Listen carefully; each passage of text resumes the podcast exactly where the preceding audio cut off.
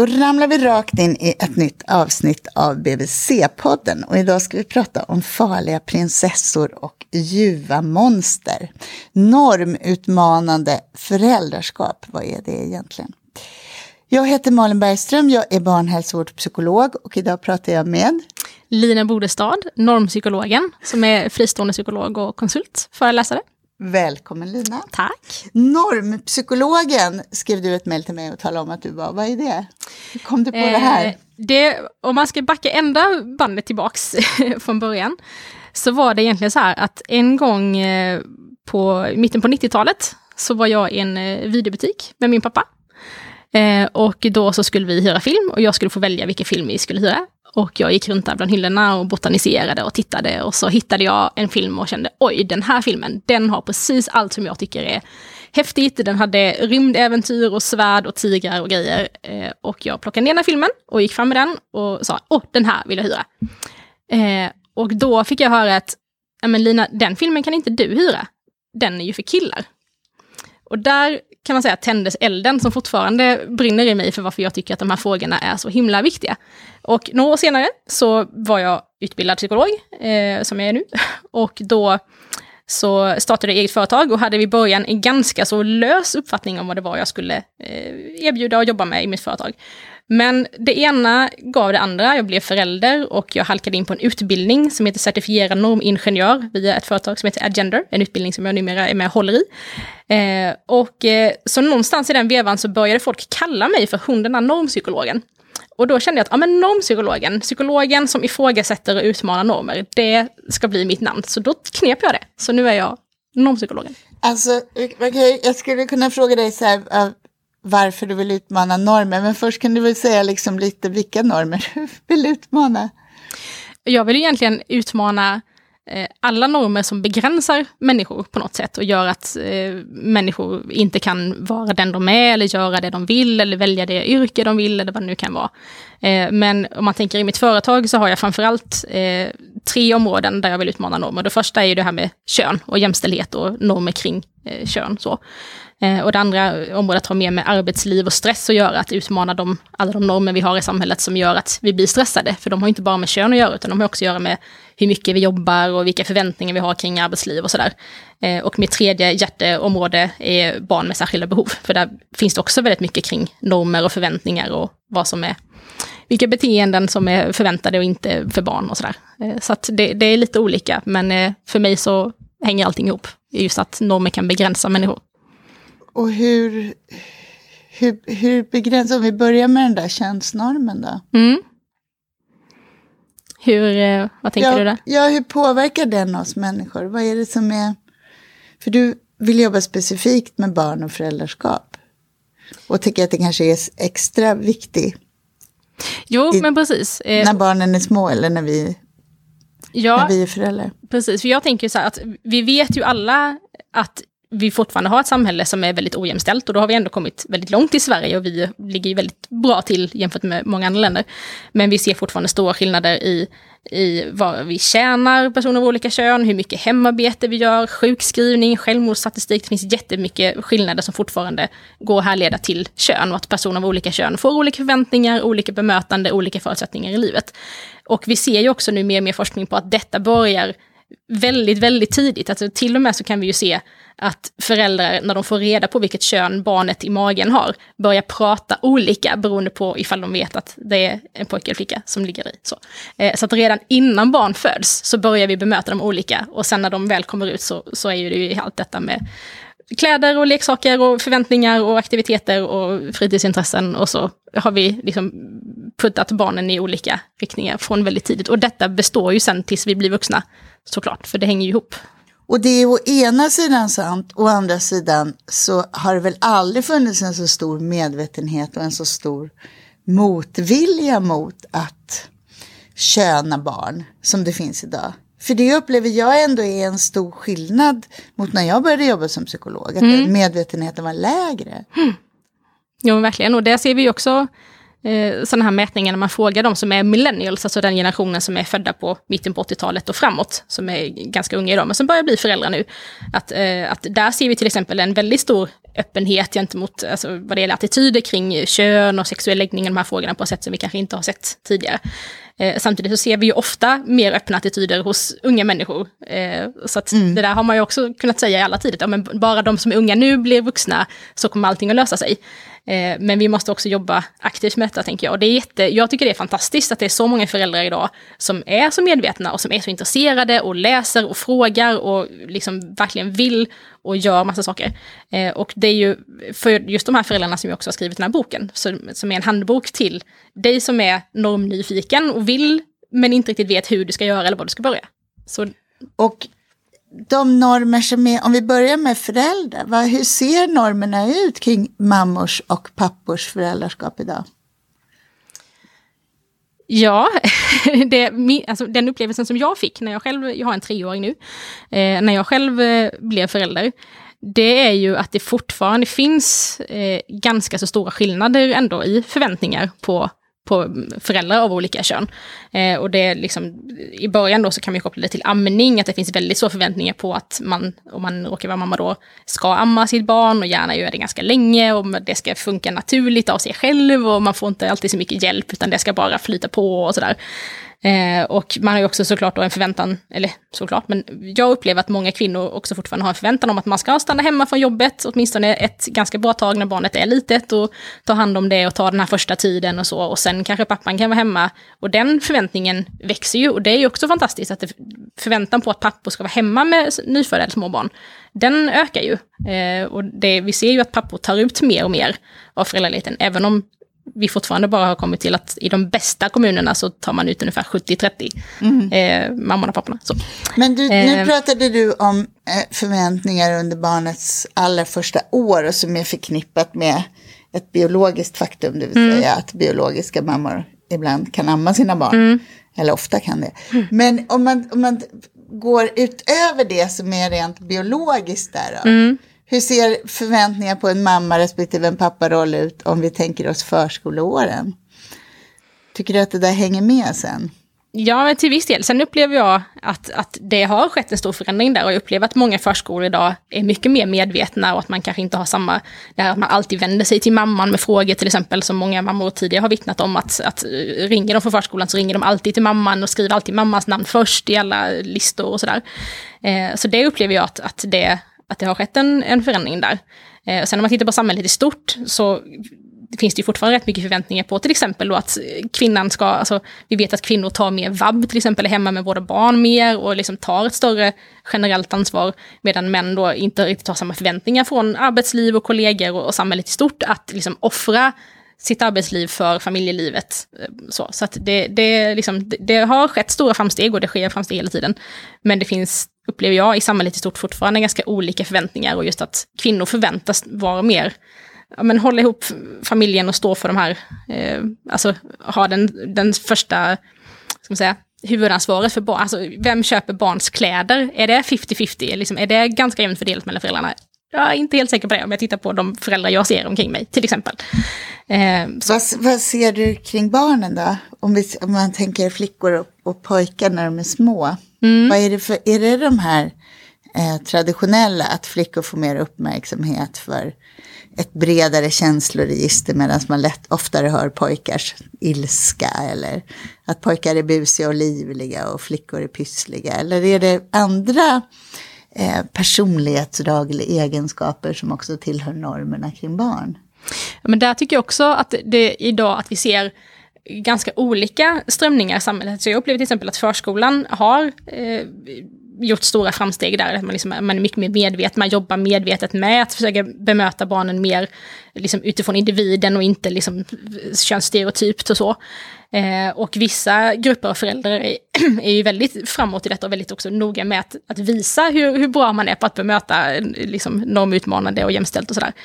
Eh, och samtidigt som det finns eh, föräldrar och grupper som fortfarande går, och kanske ännu mer går i Eh, i de mer traditionella spåren. Om man tittar på, på handeln med leksaker och barnkläder till exempel, så ser man också detta att vissa märken går mer mot att ha liksom unisex och kläder som inte är så starkt könsuppdelade.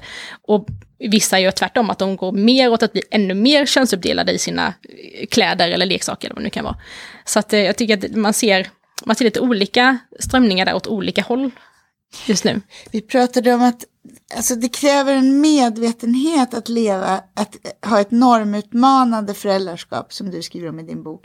Det kräver en medvetenhet, det kräver en reflektion som jag tänker också är förbehållet vissa grupper. Alltså, Mm. Du måste ha dina basala behov på plats Mm. om du ska ha utrymme för den typen av ja, reflektion. Liksom. Det är inte basalbehoven som Mm. Nej. du ska kämpa för. Nej. Är det en klassfråga? Det kan man väl säga att det till viss del kan vara eh, så. Eh, så jag förstår precis vad du menar med detta. Liksom att, att det är klart att har man sina basala behov tillgodosedda så är det lättare att fördjupa sig i sådana här eh, saker. Så. Eh, min förhoppning är ju att eh, var och en ska kunna ta det här till sig och göra det utifrån sina egna förutsättningar. Vi pratade innan om det här med normglasögon som är en metafor som jag gillar att använda. För att jag tycker att normglasögon för mig är att man sätter ett filter på tillvaron där man börjar ställa sig frågor om tillvaron. Så här, varför är det på detta viset? Vem har bestämt att det ska vara så? Vem gynnas av att det är så här? Vem missgynnas kanske? Finns det någon bättre lösning som skulle vara gynnsam för fler? Så. Eh, och om man liksom börjar läsa lite, prata lite, reflektera lite, titta på sig själv, sin egen familj, så börjar de här normglasögonen växa fram. Och sen måste man inte ha på sig dem hela tiden, för det är ganska jobbigt att ha dem på sig hela tiden, även om de brukar växa fast till slut. Eh, men man kanske kan ta på sig dem någon gång då och då. Eller man kanske kan ta på sig dem i samtal med vissa personer som man känner att här kan vi prata om detta och liksom bolla idéer med varandra och sådär. Eh, och att liksom var och en, att man börjar gräva där man själv står och se vad, vad skulle jag, vad vill jag förändra, vad kan jag förändra, vad skulle jag kunna pröva för små, små saker i vardagen som skulle kunna få en effekt. För det är också någonting som jag tycker är väldigt viktigt i detta, är att det kan vara lätt att känna att okej, men nu måste alla skaffa sig en doktorsavhandling i genusvetenskap och att det är som ett jättestort projekt och man måste lära sig massa och läsa tusen böcker. Eh, men jag vill ju mer hävda det här att, att vi kan med väldigt små förändringar i vardagen göra en väldigt stor skillnad över tid. Att bara genom att byta ut vissa ord vi använder eller liksom stryka vissa skämt ur vår repertoar eller liksom ta en, en barnbok vi har och bara byta alla könen i den, till exempel. Alltså sådana små saker vi kan göra. Så kommer det också få en stor effekt och det måste inte kosta massvis med tid och massvis med pengar och man måste inte läsa och fördjupa sig massvis, utan det räcker att göra små saker som över tid får en stor effekt, tänker jag. Jag tänker att det där eh, förstås har en poäng. Men jag tänker också att det vi konkret gör spelar ännu större roll. Om jag lever i en heterorelation med en man och vi har barn tillsammans. Så tänker jag att det är ännu viktigare än att byta kön på prinsessan och prinsen i sagorna. Är att föräldraskapet är hyfsat jämställt och att vi kan stå för samma saker. Att inte jag står för liksom känslomässig vägledning och är mjuk och, och mannen servar eh, bilen och byter däck och grillar liksom. Jo men verkligen, och det är ju också eh, såklart ett, ett exempel jag lyfter fram, alltså just att tänk på vilken förebild du själv är och vilken förebild du vill vara och vilka exempel du vill ge ditt eller dina barn. För att det är ju, självklart är det ju så att barnen kopierar ju det som du och din partner gör till stor eller så. Barn gör ju som vi gör inte som vi säger, eh, som alla föräldrar vet. Eh, så att det är ju såklart också, och det är ju egentligen ett kapitel för sig, alltså hur skapar man en mer jämställd relation? Eh, men, men lite samma sak där, att lyckas man göra även små förändringar där, så över tid så kan det ju också leda till ett mer jämställt föräldraskap som då återspelas, alltså då får barnen se det som sitt exempel eller som sin inspiration. Och sen kan de då, eh, jag tänker att det handlar mycket om det här med eh, att identifiera sig, att, eh, att känna att ja, men okej, om mina föräldrar kunde göra det där, då kan väl jag också göra det där.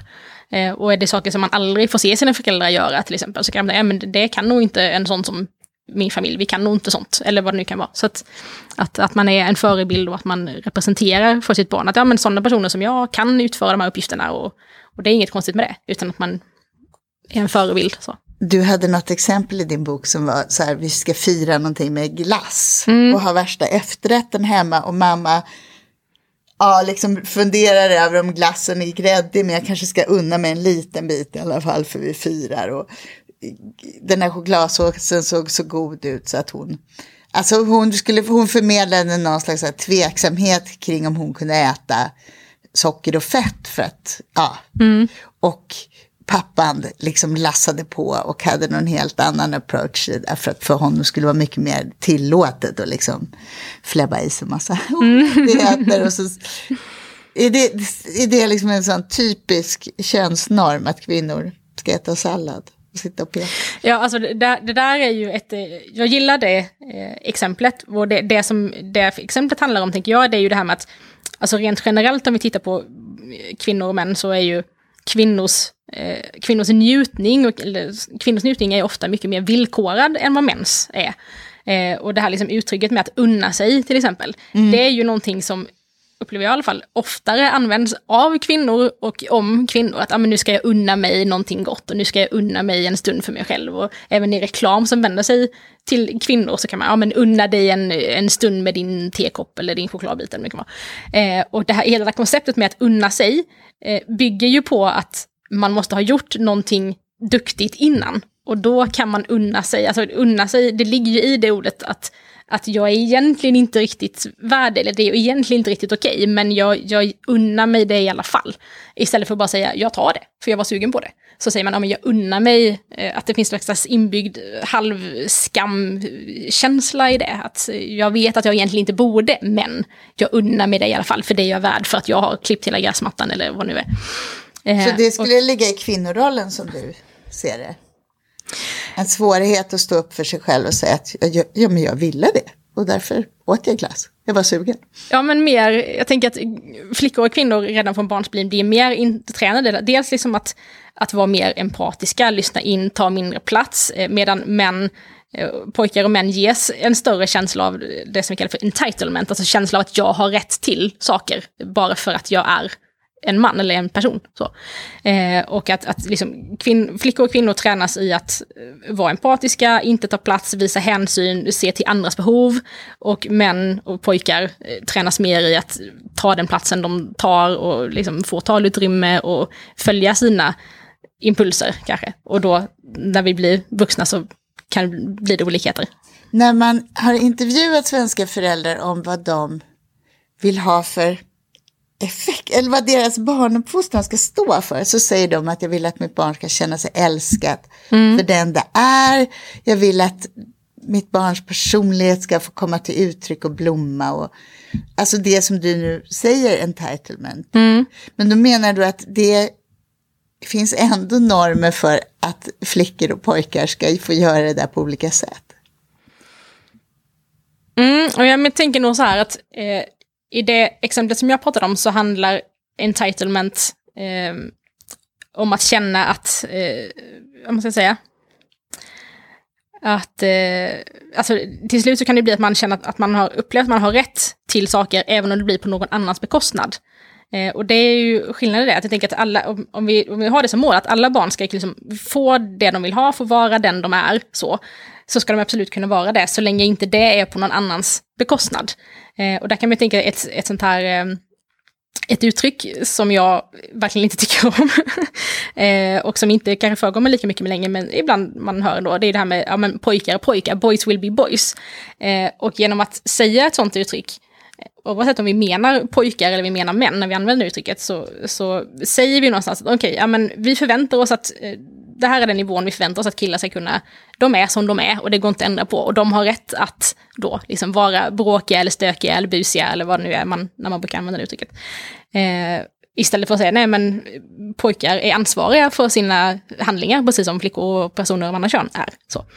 Eh, så att, eh, Därför att de där förväntningarna kommer att forma beteende. Ja, jo men precis. Att liksom, om vi säger så till barn när de är små, då, ge, då skapar vi också en bild av att okay, för killar är det okej okay med vissa beteenden som inte alls skulle vara okej okay för tjejer. Och vi säger inte, ja men du vet, flickor är flickor, girls will be girls. Det finns inget liknande uttryck.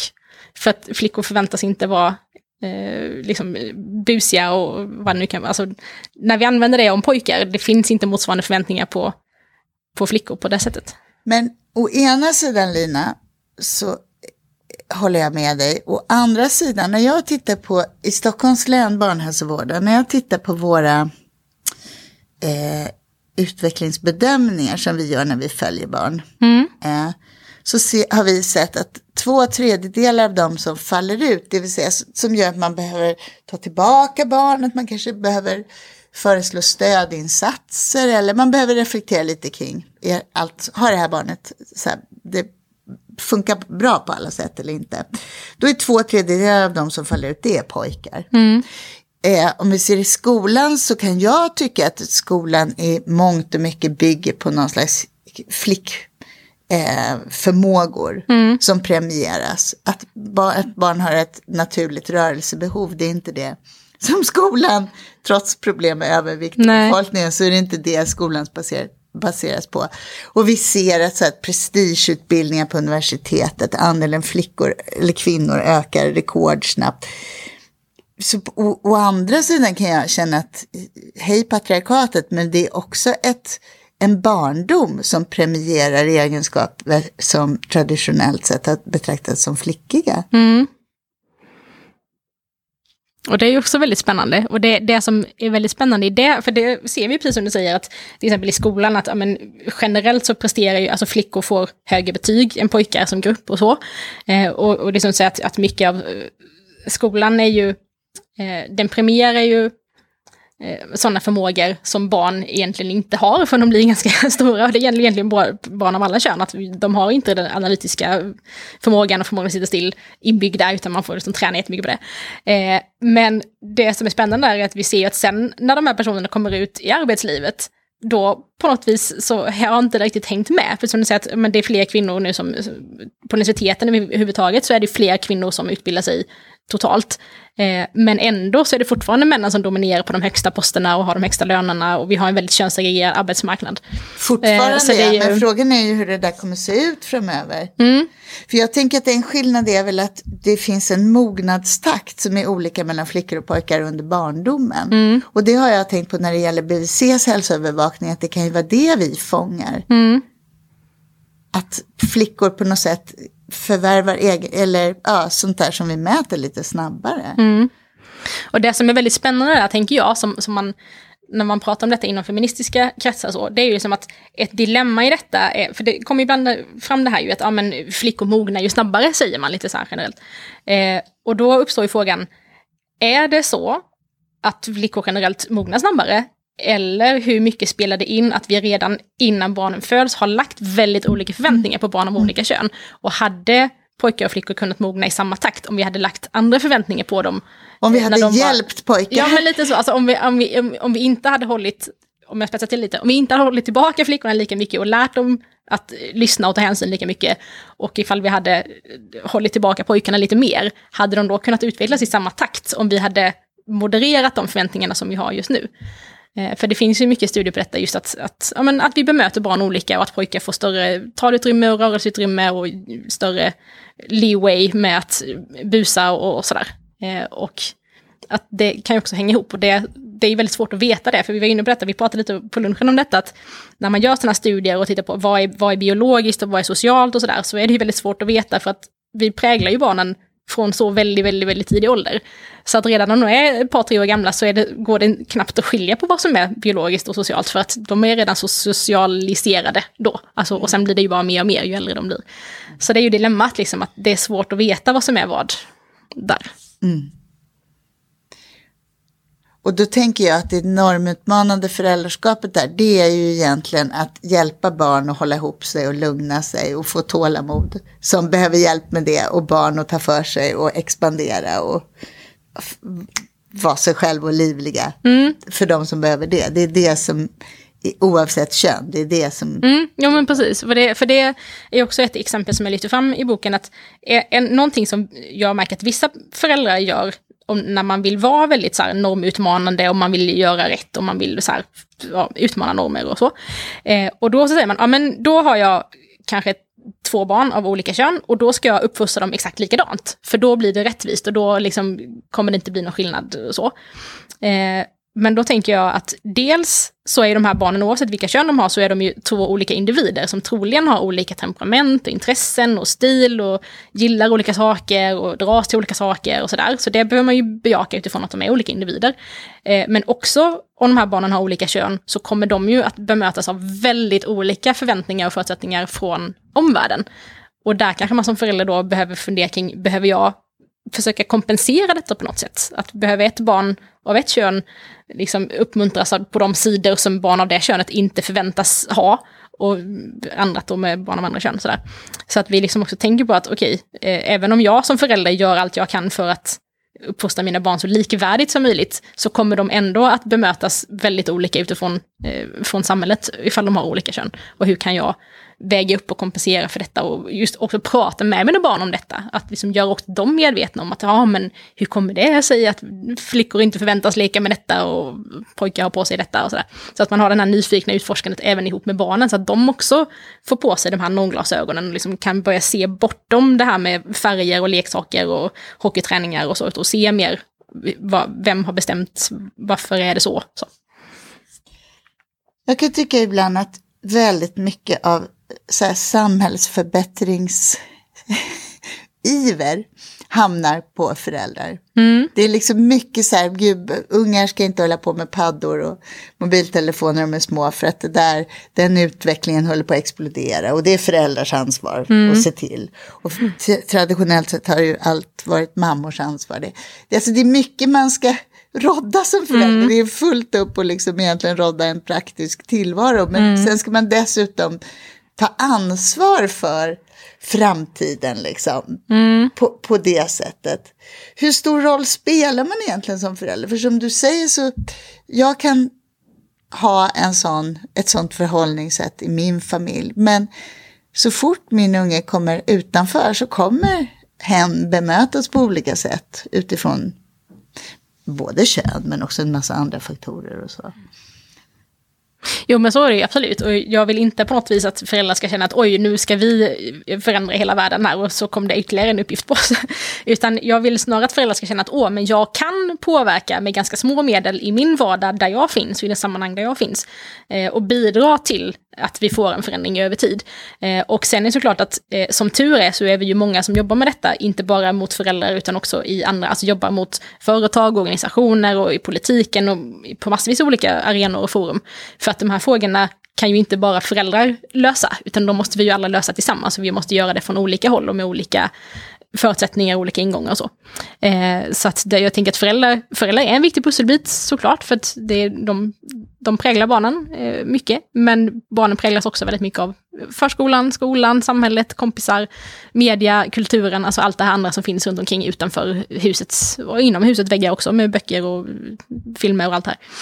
Eh, så att jag tänker att som förälder, att man snarare ska känna att, ja, men, vad kan jag göra? Vad kan jag bidra med som, är, som känns rimligt för mig? Vad orkar jag göra? Vad vill jag göra? Tycker jag att det här är viktigt? Ja, men då kanske jag kan göra den här lilla grejen. Och sen kanske jag kommer på att ja, men då kan jag också göra den här lilla grejen. Och att, liksom att det inte måste vara ett stort, eh, ett stort ok, utan snarare att se det som en möjlighet att det finns små saker som man kan göra som får en stor effekt över tid. I det ligger också, att, som du också skriver i boken, som jag gick så loss på när jag läste, att normer är ju lätt att få syn på när de ligger en bit bort. Mm. Men det som är mina normer och mina glasögon som jag betraktar världen utifrån, det känns ju som de naturliga, mm. de givna. Något av det roligaste som jag har läst som är man kan säga socialantropologiskt eller som beskrev normer. Det var en kvinna för några år sedan som skrev en bok eh, som handlade, The Primates on, on Park Avenue hette den. Mm. Som, hon eh, var småbarnsmamma på Upper East Side på Manhattan i New York. Och började betrakta sin tribe, alltså den stammen med mammor som hon omgavs av och skrev mm. om det.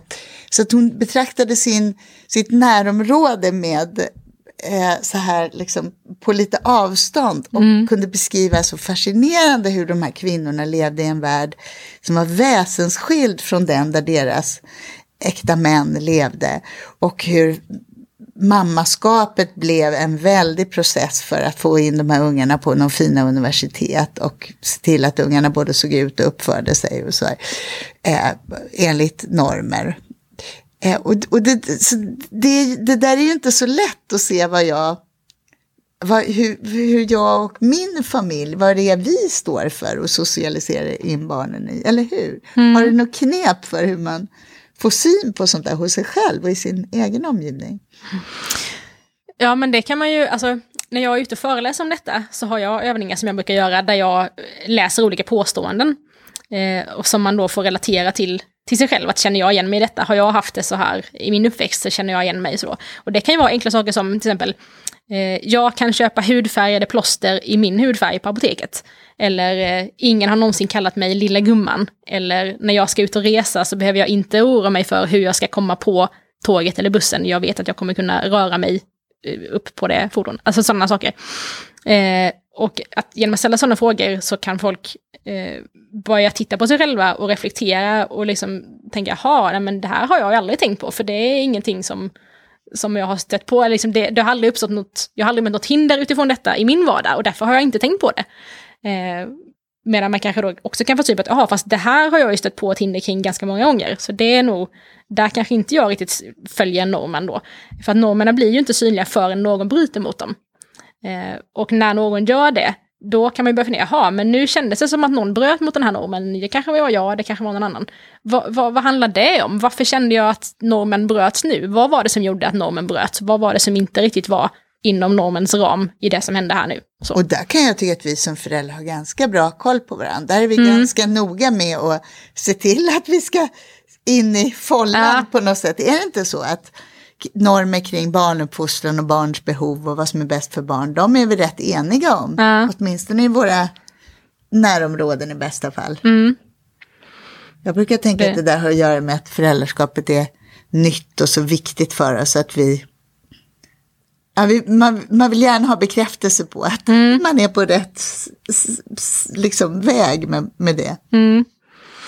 Och jag kan uppleva också att, att vissa att, att man, man, vill så otroligt gärna göra rätt och man vill väldigt gärna visa för andra att man gör rätt och man vill också tala om för andra om de gör fel. För att det är ju också ett sätt att upprätthålla normen då, att man dels visar upp att man själv följer den och att man på något vis poängterar eller talar om när någon bryter mot den eller går utanför. Sådär.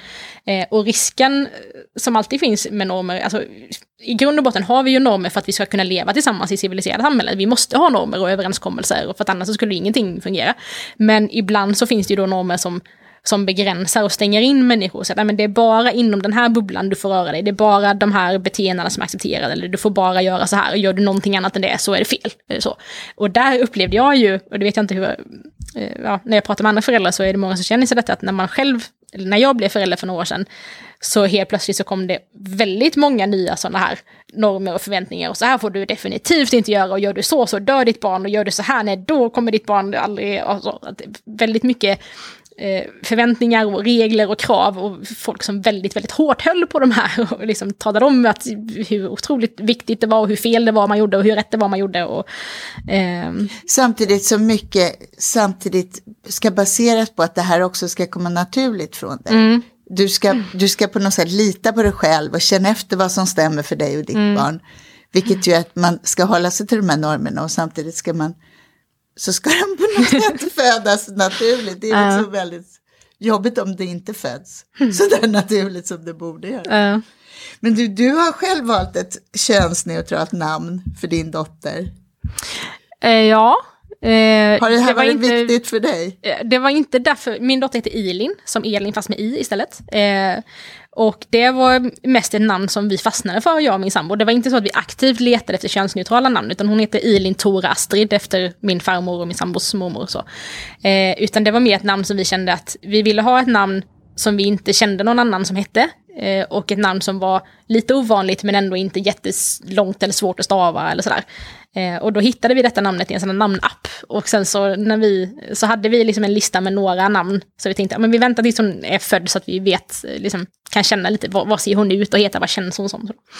Så, eh, så på vägen, i bilen på vägen hem från BB så enades vi att men det får bli Ilin, för det, det kändes... Eh, så alltså, det var inte i första hand att det skulle vara, sen är det lite kul att det är ett ganska könsneutralt namn och i olika, det finns i olika länder och kulturer och i vissa länder så är det mer ett, ett kvinnonamn och i andra kulturer är det mer ett mansnamn och sådär. Och i Sverige är det bara ett 20-tal personer som heter det.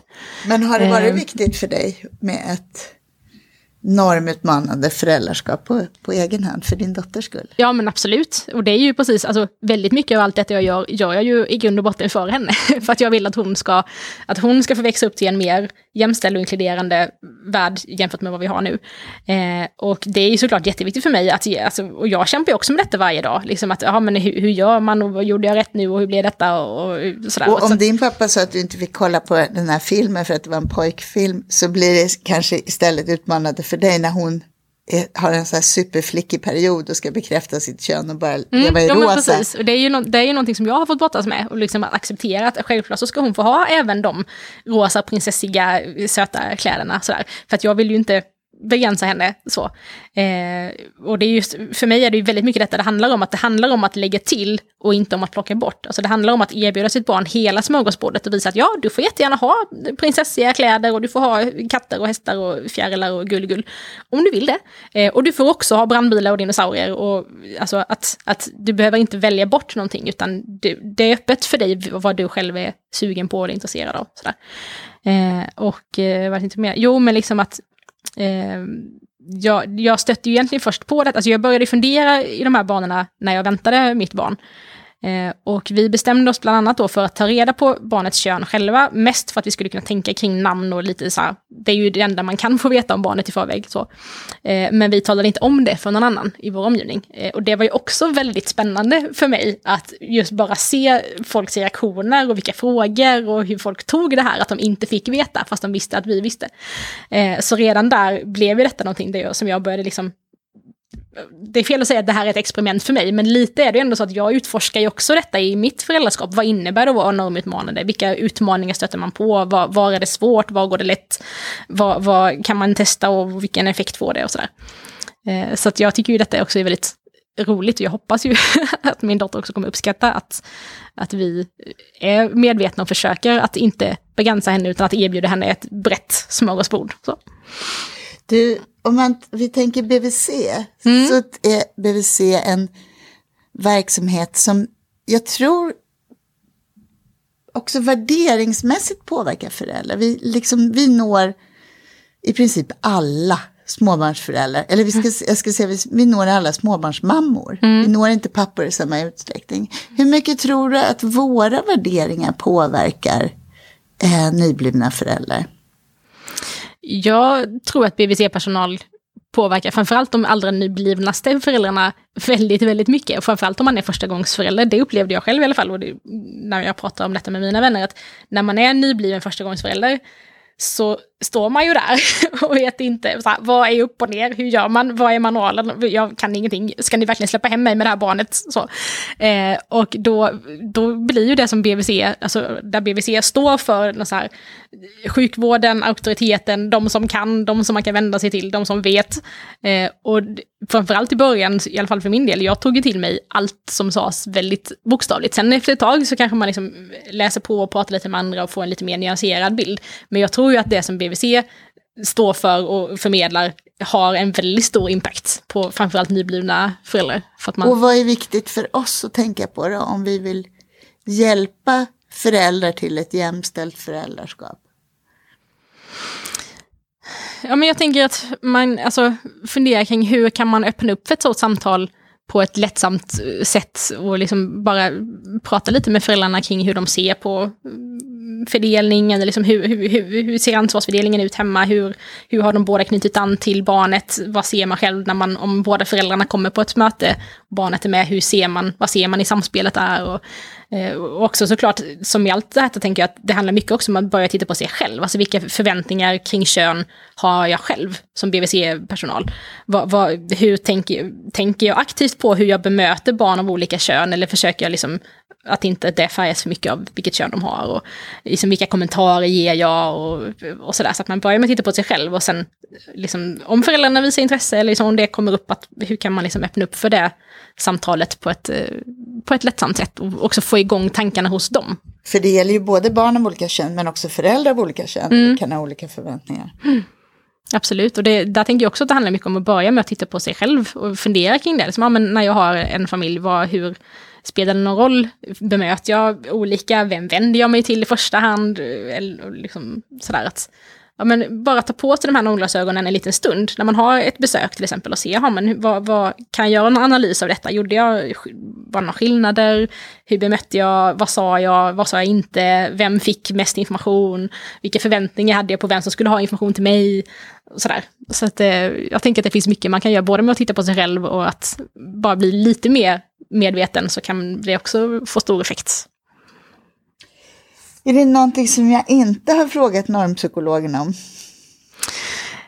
Oj, det är också en bra fråga. Inte som jag kommer på sådär spontant nu direkt. så. Är det någonting mer som du... Nej, jag tänker... Det, nej. Då säger jag tack Lina Bodestad. Ja, tack så mycket. Tack, så rullar vi ut från den här podden.